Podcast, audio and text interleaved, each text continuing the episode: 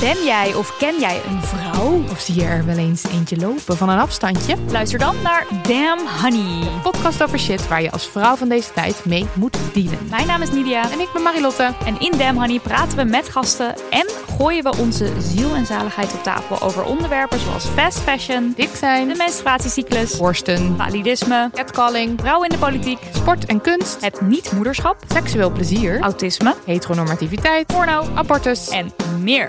Elke zaterdag in je podcastfeed.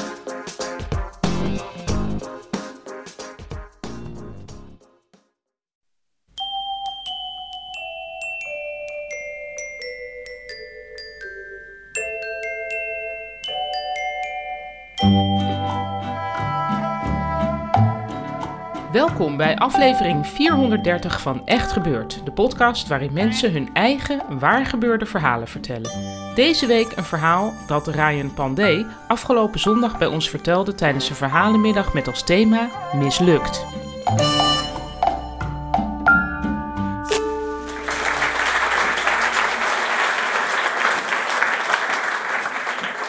Ik, eh, ik als iemand eh, met zijn vinger op zijn neus wrijft, krijg ik daar fysiek een heel ongemakkelijk gevoel bij, bij mezelf. Dus eh, zelfs als ik er nu aan denk, moet ik altijd even aan mijn neus zitten. En dat heb ik altijd al gehad. En dat komt eigenlijk omdat eh, mijn neus niet helemaal symmetrisch is. Dus eh, er zit een soort bochel in, hij is niet helemaal recht. En dat werd eigenlijk steeds erger. Ik, ik voelde het bij mezelf, al maar iedereen heeft zijn onzekerheden. En eigenlijk tijdens mijn eh, middelbare schoolperiode werd ik daar steeds onzekerder over. Maar ik hield het ook voor mezelf, want ik dacht als niemand anders het opvalt, dan eh, zal het misschien wel meevallen en dan wakker ik het niet aan. Tot ik op de middelbare school door twee vrienden de havik werd genoemd. En toen vroeg ik of ze dat dier cool vonden. Zeiden ze, nee, nee, je hebt een haviksneus. Eh dus daardoor werd het eigenlijk alleen maar erger. En toen sprak ik het een keer uit eh, bij mijn moeder. Toen zei ik, ik zou misschien wel een keer een neusoperatie willen doen, dat je gewoon helemaal recht staat. En toen zei mijn moeder, als je dat echt wil, zou je het kunnen doen. Maar je moet het niet doen, want die neus past bij jou. Je hebt de neus gekregen die bij jou hoort, anders ben je raaien niet. Dit hielp ook niet echt. Maar eh, na mijn puberteit heb ik het een beetje los kunnen laten of zo. Het is niet heel erg meer een ding geweest. Ik denk ook als je door de puberteit heen bent, kan je het iets beter accepteren. Tot zo'n eh, ehm, 13 jaar geleden. Dus, eh, op een week na was het, begin november. En ik ben gaan fietsen. En ik kwam redelijk laat thuis. Het was inmiddels donker. En ik kom via de achtertuin wil ik naar binnen gaan. En terwijl ik de achtertuindeur open doe, zie ik dat er twee eh, inbrekers... die zijn eh, bezig de schuifdeur open te breken met een koevoet. En hij is inmiddels zo ver open dat je net naar binnen kan gaan. En ik doe die tuindeur open en ik sta daar. En die inbrekers die kijken verschrikt achter zich. Waarschijnlijk dachten ze eh, nog een inbreker.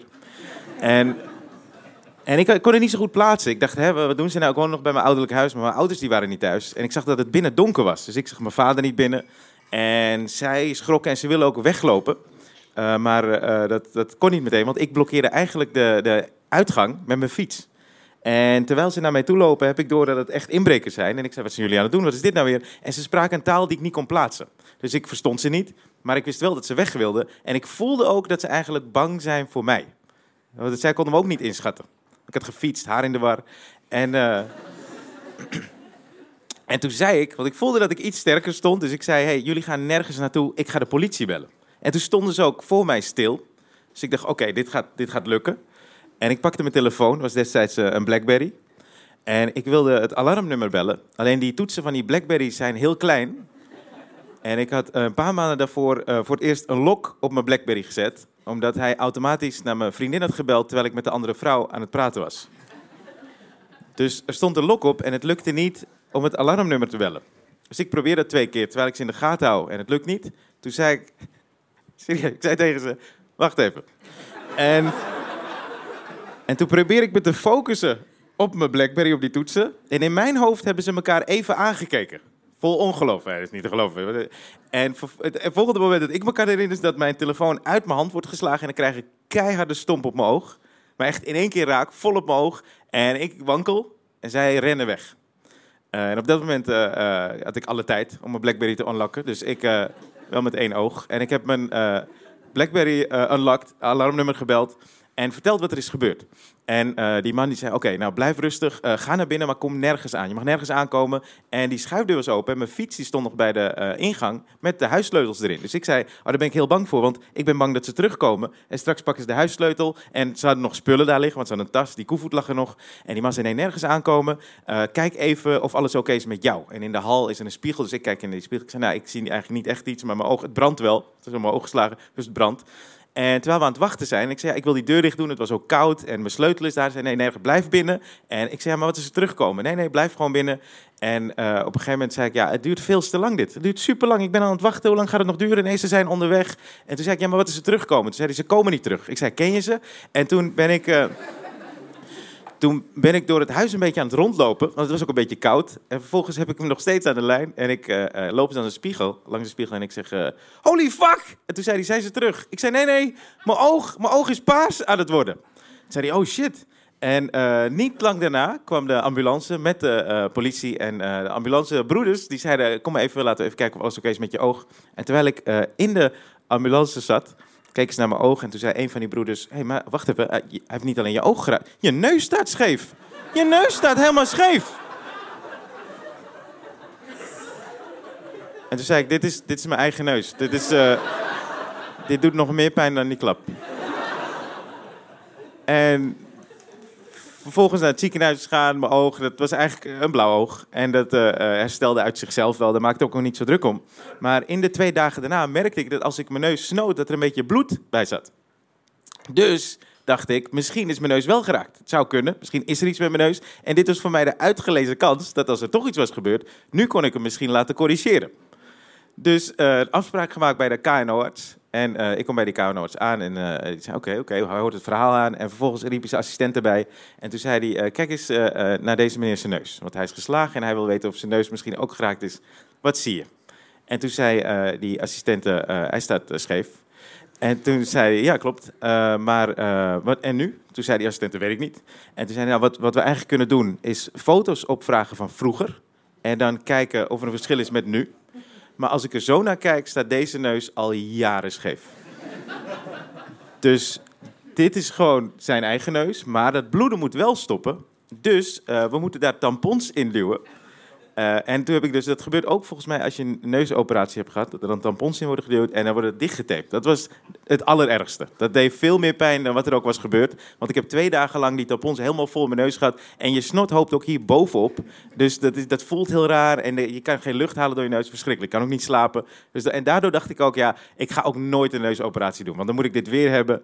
En uh, toen ik naar het ziekenhuis is gegaan, is er een agent, dat was heel netjes, een agent gekomen uh, uh, en mijn vader die was toen thuis om te vragen hoe het met me ging. En toen zei die agent, nou, uh, wat hij wel even kan doen, hij kan even een brief schrijven naar slachtofferhulp.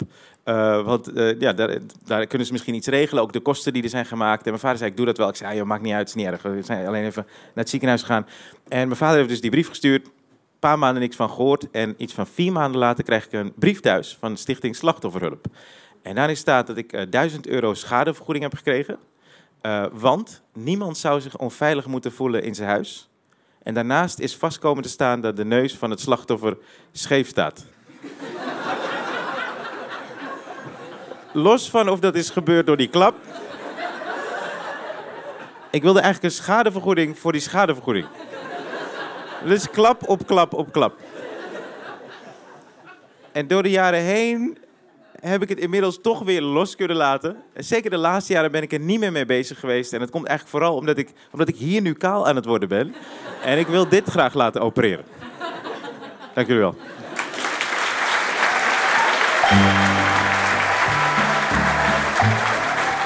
Dat was een verhaal van Ryan Pandey. Ryan is comedian en hij toert nog het hele seizoen langs de Nederlandse theaters met zijn voorstelling Karma. Daarnaast is hij sinds kort een van de presentatoren van onze Echt Gebeurd Verhalenmiddagen en hij presenteert onze eerstvolgende editie. Die vindt plaats op zondag 19 november en de kaartverkoop begint komende maandag 30 oktober. Kijk voor meer informatie op onze website echtgebeurd.net. Daar kun je je ook als verteller aanmelden als je een goed waargebeurd zelfbeleefd verhaal hebt bij het thema van die verhalenmiddag en dat is telefoon. Dat vind ik een heel inspirerend thema, telefoon.